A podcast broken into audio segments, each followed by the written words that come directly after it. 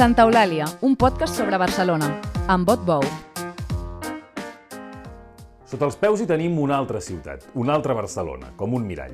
És la Barcelona dels refugis antiaeris que molts veïns van construir de 1937 a 1939 per protegir-se dels bombardaments feixistes. Aquells dos anys, damunt de la ciutat, hi van caure un milió de quilos de bombes, que van causar més de 2.700 morts i 7.000 ferits. La periodista i fotògrafa Anna Sánchez els ha investigat, recorregut i retratat. El resultat de la feina es va documentar en una exposició a la Model, que es deia 1.322 refugis antiaeris de Barcelona i que a partir del febrer vinent es podrà visitar també a la Universitat Autònoma. Aquella exposició, que Sánchez va comissariar juntament amb l'historiador Xavier Domènech, demostrava que els refugis no tan sols expliquen una Barcelona del passat, sinó els fonaments de la Barcelona actual, gairebé literalment. Anna Sánchez, tot seguit, a Santa Eulàlia. Anna Sánchez és fotògrafa i una de les comissionàries de l'exposició 1322 Refugis antiaeris de Barcelona. Anna Sánchez, benvinguda a Santa Eulàlia. Gràcies. És un plaer que estiguis aquí. Quants refugis antiaeris tenim sota els nostres peus a la ciutat de Barcelona? No ho sabem, ni ho sabrem mai. Uh, nosaltres hem intentat uh, agafar el cens de l'any 38, que és la primera vegada que es fa una llista de refugis. Bueno, S'havia fet una parcial abans, però és la primera vegada que s'intenta aixecar aquest cens. Uh, la Generalitat Republicana ho fa. I en aquell moment, i sumant alguns de l'època posterior, podem quantificar 1.322, que és precisament el títol del projecte en un intent mm. de materialitzar aquest patrimoni difús i silenciat. Però n'hi ha molt, molts més. Nosaltres hem trobat més refugis que, que hem incorporat al projecte. N'heu trobat d'inèdits amb la Hem trobat alguns d'inèdits i, a més, els, els privats no estan censats no, no sé quants refugis té Barcelona i dubto que, que ho arribem a saber mai. Quants censos hi ha? Perquè ara parlaves d'aquest, n'hi ha algun més? N'hi ha... ha dos que són els més importants. Un és de l'any 38 i el segon es fa en l'època del desarrollismo, de la urbanització frenètica d'aquesta ciutat, alcalde Porcioles, eh, aquesta administració o l'Ajuntament franquista decideix fer un cens perquè està perdent formigó en les obres que fa. Clar. Quan fa els fonaments, aquest formigó desapareix i no saben per què, però és que es va filtrant per les galeries de, dels refugis. I llavors aixeca un segon atlas que també ha estat molt útil per nosaltres. Bueno, és normal que els hi passés això, perquè 1.322 no sé si és una xifra gaire habitual a, a Europa o arreu del món, però mm, com a mínim impacta per la gent que no en sabem gaire. Sí, és una xifra que per això vam titular així el projecte, que, que impacta molt, a mi em va impactar molt la primera vegada que, que vaig ser conscient eh, que una ciutat sencera havia estat foradada a pic i pala per veïns i veïnes fins a aconseguir aquest nombre de refugis. No sabem si tots estan construïts o no. I si comparem amb altres ciutats europees, n'hi ha moltes ciutats que tenen molts refugis, però el que fa única l'experiència de Barcelona és eh, aquesta xarxa ciutadana que la fa possible. Eh, realment això sí que és inèdit. Parlem una mica d'aquesta xarxa ciutadana, que és una altra de les coses molt interessants del projecte. Entenc que, com dius, és una particularitat de Barcelona. Què vol dir que, que, que van tenir un paper molt important els veïns en la construcció d'aquests refugis? No sé si ho podem quantificar. Quantificar-lo seria quantificar el, els refugis comunitaris que tenim a la ciutat. Penseu que tenim refugis comunitaris, refugis de fàbriques, també de dirigents polítics i també refugis privats eh, en aquell moment, sobretot al principi de la guerra, va haver alguns espais que no estaven construïts com a refugi, com va ser l'estació de Correus, que es van fer servir inicialment. Després es va veure que, que no era un espai segur. Per tant, quantificar exactament quants refugis va fer la gent i quants va engegar l'administració, eh, Generalitat Republicana o Ajuntament, és molt difícil.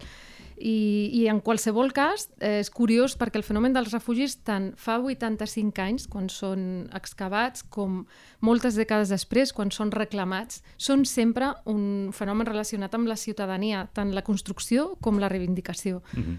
És a dir, estan, aquests, tots aquests refugis es mantenen silenciats durant el franquisme, com deies abans, i després, en el moment de reivindicar-los, són les mateixes associacions de veïns que, que treuen a la llum. En la dècada dels 90, aproximadament, es comencen a, a recuperar i a reclamar aquests refugis. El barri de Gràcia i, i la plataforma Salvem els Refugis té un paper fonamental, però també n'hi ha d'altres.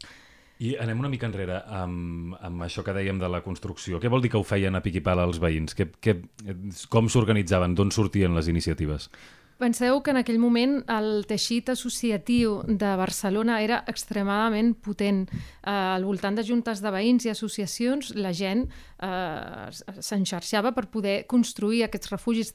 Eh, molts homes estaven al front de guerra i, per tant, el paper d'aquella mà d'obra feble, entre cometes, no? de dones, de nens i de jubilats i jubilades van ser eh, fonamentals per, per poder construir aquestes galeries. També el, els, els mestres d'obra que estaven jubilats podien aportar un coneixement que ajudava a tecnificar aquest tipus de construcció, per exemple, la volta catalana, mm -hmm. no? tan freqüent en els nostres refugis.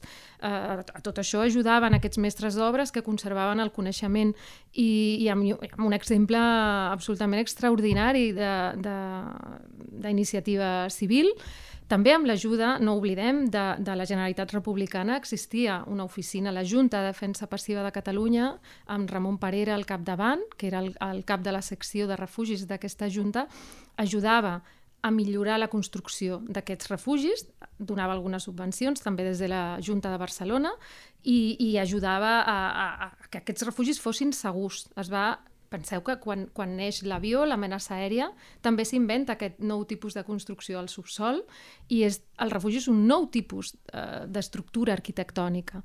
El Ramon Parera, que era enginyer, col·labora amb tota la iniciativa ciutadana ajudant a construir refugis més segurs i, i ensenya com s'han de fer les galeries en zigazaga, sempre amb més d'un accés, per si aquest queda tapiat, després del bombardeig, amb una llosa d'explosió a sobre per amortiguar l'impacte de la bomba. Eh, per suposat, han de tenir, haurien de tenir farmaciola, latrines, eh, tot el necessari per poder aguantar el subsol. Ara això ens pot semblar obvi. Plouen bombes del cel i ens amaguem a terra. En aquell moment, tota Europa estava estudiant com protegir-se de la nova amenaça aèria i, i a Barcelona s'assaja un nou capítol de la Guerra Total, el, el primer uh mhm. -huh. bombardeig sistemàtic sobre la població civil eh, i, i, i la reacció... de la Segona Guerra Mundial, diguem ah, Exacte, no? no? Som un camp de proves, ho hem dit moltes vegades, però no hem dit tantes vegades, que som també un extraordinari exemple d'iniciativa civil. I és precisament això el que vol recordar el projecte, fer aquesta topografia de la resistència. Hem fet moltes vegades la topografia de la destrucció i intentar construir i posar imatges. Aquesta topografia de resistència era un dels objectius. I amb quin grau de, de previsió es van poder anticipar els veïns? Com d'aviat van començar a construir aquests refugis? Perquè no sé fins a quin punt eren, sabien que podien tenir la sospita que caurien bombes, però... En l'any 37, a febrer del 37, comencen els bombardejos i no sabem quan es construeix el primer refugi, però des de finals del 36 l'amenaça és molt clara, perquè a més ja s'han bombardejat altres ciutats i Barcelona per la seva localització localització geogràfica i també perquè acabarà esdevenint capital de tres governs, del govern català, però també del, de, va acollir a Juan Negrín, tot el mm, seu... El president de la República. Exacte.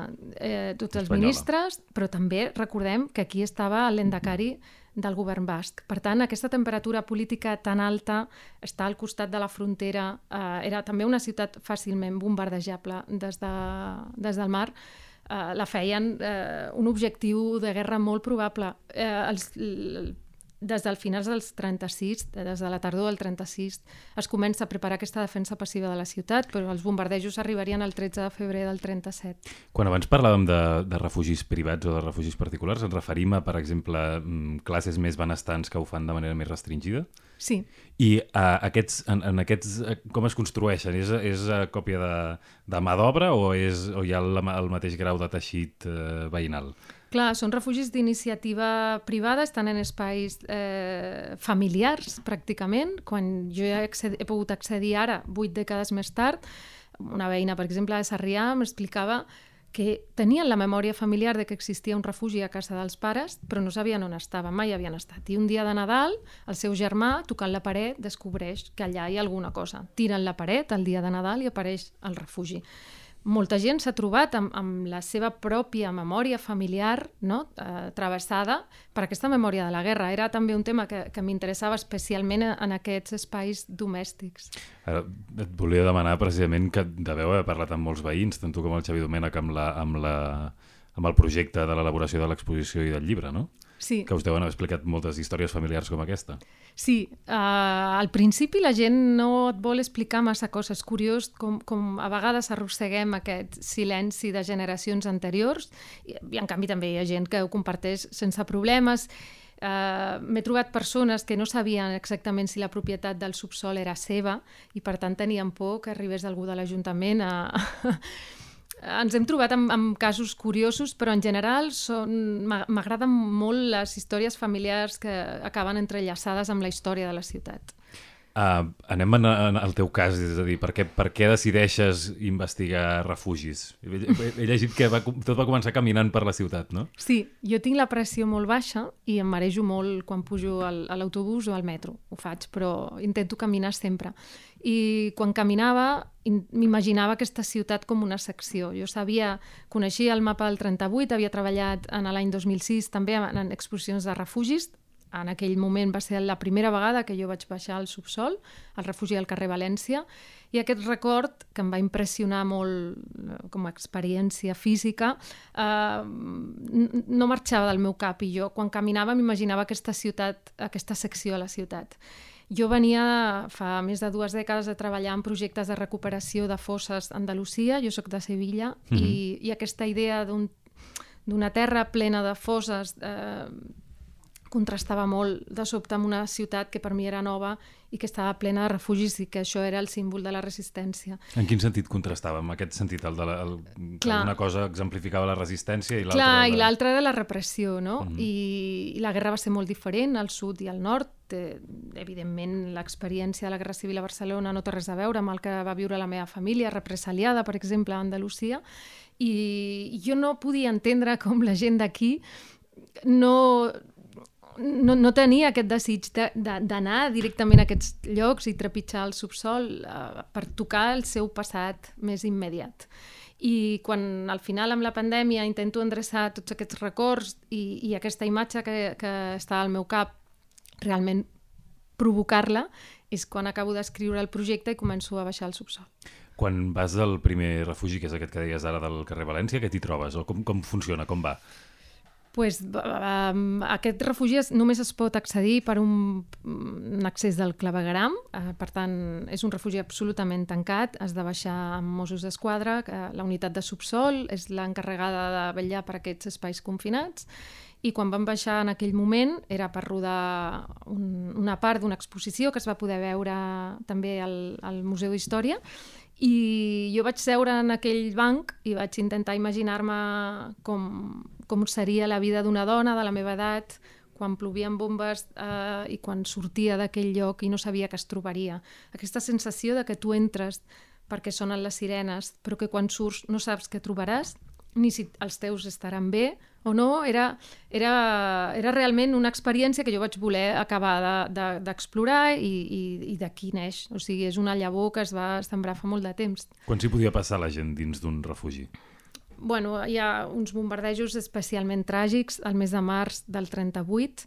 Són uns bombardejos que duren més de dos dies i, i que provoquen pràcticament la meitat de morts que ha provocat tota la guerra, concentrats allà. Eh, clar, hem trobat mm, molts indicis de vida quotidiana al subsol, no? Eh, de fet, a l'exposició s'han pogut veure des de estris per cuinar, coses per menjar, eh, pues una fitxa de dòmino... És a dir, allà passaven hores, no? I de fet l'experiència dels bombardejos s'acaba integrant en la vida quotidiana de la gent. I de fet hi ha una, una altra de les coses que, que es veuen retratades que és que en el, em, em sembla, corregeixe'm si m'equivoco, que és en aquest refugi de, de, del carrer València, que hi ha indicacions per, gravades a la paret per com s'han de distribuir les famílies quan baixen a... Sí, allà pots veure una B baixa, guió 372, guió quart primera. Pues carrer València, 372, quart primera. Això ajudava al reagrupament al subsol, però també indicava el dret que tenia cada família a ocupar un espai. Hi havia mm, prevencions de seguretat perquè després de...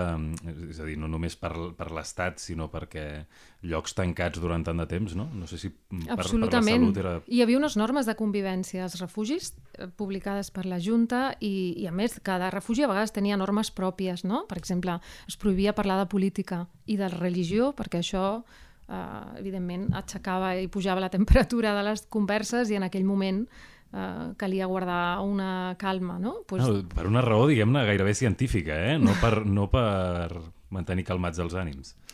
Uh, vols dir que si hi havia normes d'accés... No, no, no, no, vull dir que, que, que, que això que dius, diguem-ne, ah. de, la, de, la, de la cosa de no tenir converses de política ni de religió ni de res, era per, per una raó, pel que estic entenent, per una raó física, ambiental, diguem-ne. No, no, no, no, dic, pujar la temperatura en sentit metafòric. Ah, en sentit metafòric, d'acord, Exacte, podia pensava... encendre els ànims i, i això podia acabar malament, no? Uh, I amb tanta gent en unes galeries estretes, realment són molt estretes algunes, doncs aquestes normes intentaven això, o es prohibia fumar o són curioses de recuperar. Algun, algun objecte, alguna cosa realment sorprenent que us hàgiu trobat en algun dels refugis? Jo tinc un, un objecte clavat al cor i de fet és una fotografia que m'agrada molt, que és un mirall que hi ha al terra del refugi sota la plaça Tetuan. Era un refugi eh, construït per més de 2.500 persones. Jo crec que és el refugi més gran que jo he visitat. Estava pensat per una vida cultural futura, que mai va arribar, i conserva aquest mirall. I a mi aquest mirall mm, m'ha provocat moltes reflexions, sobretot sempre em recorda que, que els refugis i el subsol és un mirall de la superfície, és un mirall de les societats en guerra. Era un mirall gran? Era, com sí, era? és un mirall força gran, està fotografiat al projecte i és un mirall antic, el veus biselat i, i et recorda l'època, no? aquesta sensació de tocar el passat que transmeten alguns Clar, i no, objectes. I no, no només per això que dius tu del reflex de la superfície, sinó perquè suposo que en el moment de trobar-te'l també de, devia impressionar bastant la sensació de la, la quantitat de gent que es devia haver mirat allà. I de i... temps que havien de passar per poder arribar a posar un mirall allà. I en quines condicions, no?, si devien haver mirat.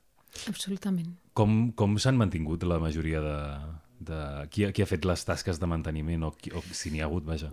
Hi ha pocs refugis on s'hagi fet una tasca de manteniment, perquè a més eh, eh hi ha una metàfora eh, que és que els, el, els, els refugis estan perdent oxigen. Els refugis amb el, la matèria orgànica en descomposició allibera gasos tòxics i aquest, aquests gasos es mengen l'oxigen. Per tant, respirar en segons quins refugis serà en algun moment pràcticament impossible. Ja és molt difícil.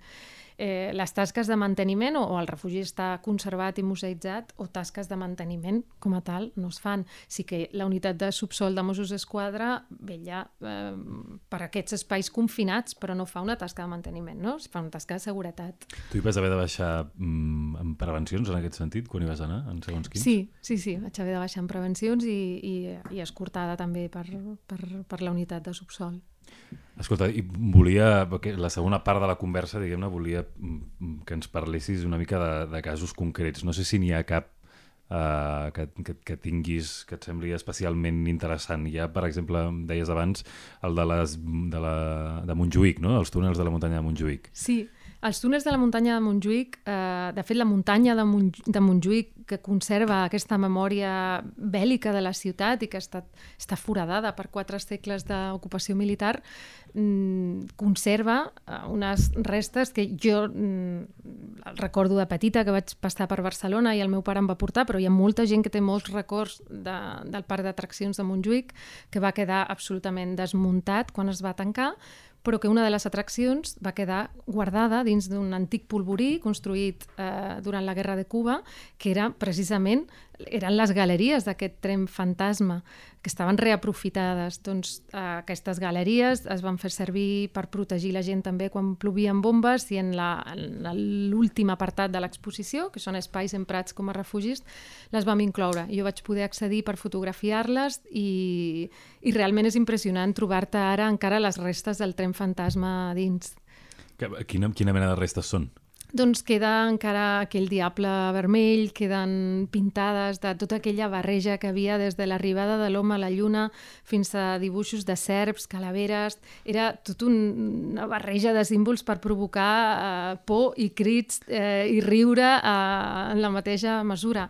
I, I realment és molt sorprenent perquè ara està tot allà intacte eh, però tancat. Sí, té com un punt una mica distòpic, no? Sí, absolutament. Hi ha, un, hi ha, hi ha, hi ha un parell més d'edificis que surten de, de llocs reaprofitats, que són, abans en, Sí. en parlaves, de l'edifici de Correus i també Exacte. la finca Sant Salvador de... Sí, de però l'estació de Correus sí que és especialment interessant. Eh, si ara vas entre l'estació Jaume I i Barceloneta i et fixes bé, encara podràs veure des del vagó del metro aquesta estació tancada a finals dels 70, però que jo vaig poder accedir de matinada i també amb ajuda de TMB per, per poder fotografiar un espai que havia estat refugi inicialment, però que després es va prohibir a la gent refugiar-se allà perquè no tenia prou profunditat, no era prou segur.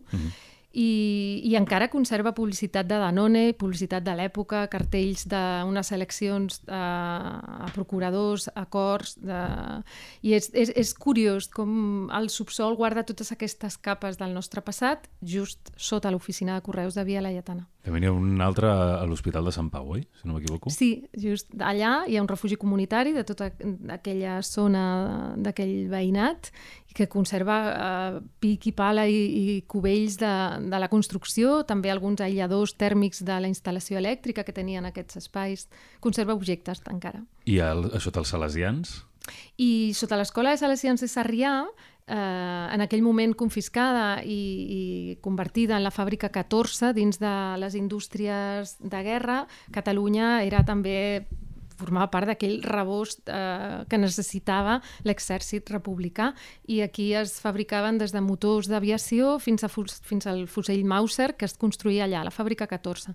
Van ser uns estudiants d'aquesta escola de salesians els que, els que van posar en valor el seu refugi fa uns anys. Uh, jo aquest no l'he descobert gràcies a la seva feina. Jo vaig poder anar a fotografiar-los i el que vam trobar és que ara estava inundat d'aigua que és una cosa que també ens hem trobat sovint, que al principi era un gran obstacle, perquè il·luminar sense electricitat i amb aigua fa que, tot i que portis focus autònoms amb bateria, no pots col·locar-los a terra perquè t'arriba l'aigua per la cintura.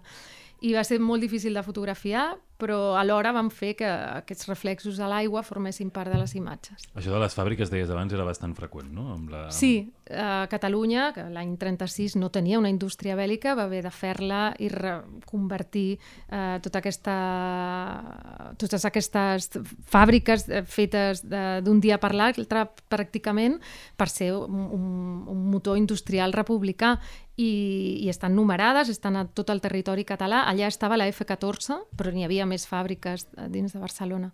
N'hi ha un altre que es va descobrir el 2016, si no me'n recordo, si no sí, recordo malament, 2017 es va obrir, exacte. que és el que hi ha sota del, del Palau de la Generalitat, construït aquest sí per ordre expressa del president Lluís Companys en aquell moment, oi? Sí, aquest refugi tenia dues parts. Una ja estava identificada, era la part que feia servir el govern, i hi havia una altra, eh, de la qual es tenien notícies, però no s'havia no accedit, que era un refugi precisament per la gent de la zona, tot i que estava connectat. Eh, aquest refugi està com sota la plaça Garriga i Bax, que està darrere del Palau, i quan es va tenir notícies d'aquests refugis, es van trobar els plànols, es va excavar a partir d'un túnel que ja es coneixia i es va accedir a aquest espai. Aquest espai es conservava encara amb alguns objectes pintats a la paret. I era per, eh, pels funcionaris, per l'administració... Sí, per, era pels... per treballadors, però també per veïns. Tenia un accés directament a la plaça i també podien accedir veïns i veïnes de la zona. Al govern per això no hi ha constància que el fes servir mai. El govern feia servir una altra part d'aquest refugi que està connectat, vull dir, estan una al costat de l'altre, un refugi amb dues parts diferenciades, una pel govern i una per l'exterior. I n'hi ha un altre que també és interessant parlar-ne, que és el de la Junta de Defensa Passiva, oi? Sí, aquest va ser l'últim refugi que vam incorporar al projecte, quan ja estava tot tancat i, i planificat. Eh, vam intentar fer un últim esforç per trobar un refugi que ens havien dit que havia quedat destruït per la construcció del pàrquing que hi ha a Jardinets de Gràcia. Però quan vam anar a l'hotel, actual Hotel Casa Gràcia, que en aquell moment era la seu de la Junta de Defensa Passiva, on treballava el Ramon Parera, el cap de la secció de refugis, eh, ens van ajudar a accedir al soterrani i allà es conserven les restes. Vam recuperar les fotos originals del refugi i, efectivament, aquell era l'espai. Aquest és una mica especial per tu, deies? Molt. per mi és, és el moment que més em vaig emocionar en tots aquests anys d'investigació, perquè trobar el refugi d'una persona, que jo també estic investigant la vida del Ramon Parera, aquí i el seu exili a Londres, trobar l'únic refugi que portava la seva signatura, trobar el refugi que ell havia dissenyat per col·locar la centraleta d'alarmes i que per ell era com el, el centre no, de, de la seva feina, per mi va ser molt emocionant i el vam incorporar, és el número 40. Per què, per què era tan important Ramon Parera? Ramon Parera va ser la persona que en aquell moment era el major expert en defensa passiva en tota Europa. Ell era un enginyer que havia treballat en la connexió ferroviària Catalunya-França i que el van fer cap de refugis eh, ja a la meitat de la guerra i que va recórrer tot el país en el seu Escoda analitzant els efectes dels bombardejos, prenent, fent càlculs i, i, i estudiant com, quin efecte tenia tant en víctimes com en les estructures. A partir d'aquí, ell va millorar la construcció dels refugis, va tecnificar aquesta construcció i finalment es va haver d'exiliar just el dia que les tropes franquistes entraven per la Diagonal, va creuar els Pirineus eh, pel coll d'Ares, eh, va aconseguir, amb l'ajuda de l'MI9 i els serveis secrets britànics, arribar fins a Londres. Mm -hmm. En aquell moment va ser un dels eh, tècnics que el govern anglès va decidir salvar, no van ser tants, doctor Trueta, etc. Ell era un d'ells, segurament és el menys conegut d'aquests catalans a Londres i just ara jo estic investigant el seu llegat perquè ell continua treballant a Londres. Es va morir a l'exili? Ell va morir a l'exili a Ilford, al costat de Londres, a l'any 1988 i, i estic intentant acabar de reconstruir aquesta vida que a mi em sembla fascinant i que ajuda a entendre el segle XX. El fet que els britànics mm, ajudessin Parera a quedar-se a Londres, no sé si a banda del, del, del cas personal de Parera també va tenir alguna influència algun emmirallament, ja que, ja que abans parlàvem de miralls, amb, amb, amb com Barcelona havia resistit amb això. Absolutament, perquè Barcelona va ser una referència a tota Europa de protecció civil i quan s'estudiava la millor defensa de la població, en aquell moment arquitectes i enginyers tenien un debat molt intens sobre aquest tema, el testimoni de Parera era important. Malgrat eh, aquesta, aquest èxit que va ser, en el fons, la defensa de Barcelona, perquè només va morir aquest només entre cometes, 2.700 persones de més d'un milió d'habitants que tenia la ciutat al llarg de dos anys de bombes, eh, va ser estudiat a Londres a les portes del Blitz. Com una Però, xifra excepcionalment baixa, diguem-ne, proporcionalment. Sí, sobretot com un èxit de protecció per tota la població. Aquest tota és molt important en aquell moment. Pensem que el govern conservador de Churchill es va negar a aplicar un model de defensa per tota la població, va apostar pel refugi individual, refugi Anderson, que era un gran error, i es va negar a construir refugis comunitaris. Precisament va estudiar i va rebutjar el model català de protecció defensat pel Partit Comunista de Gran Bretanya i també pels arquitectes britànics. I, i allà quanta gent s'hi va morir?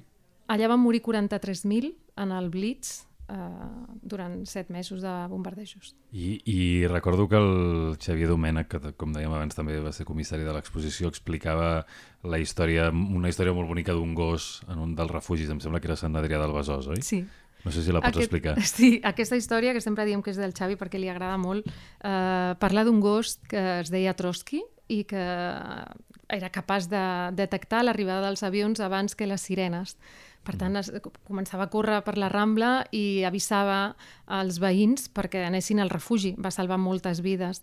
Al final, els veïns van decidir eh, estampar la seva pota en la paret del refugi i aquesta petjada d'agost està fotografiada al I continua, projecte. continua allà. Continua allà, es pot visitar el refugi. És un dels refugis museïtzats.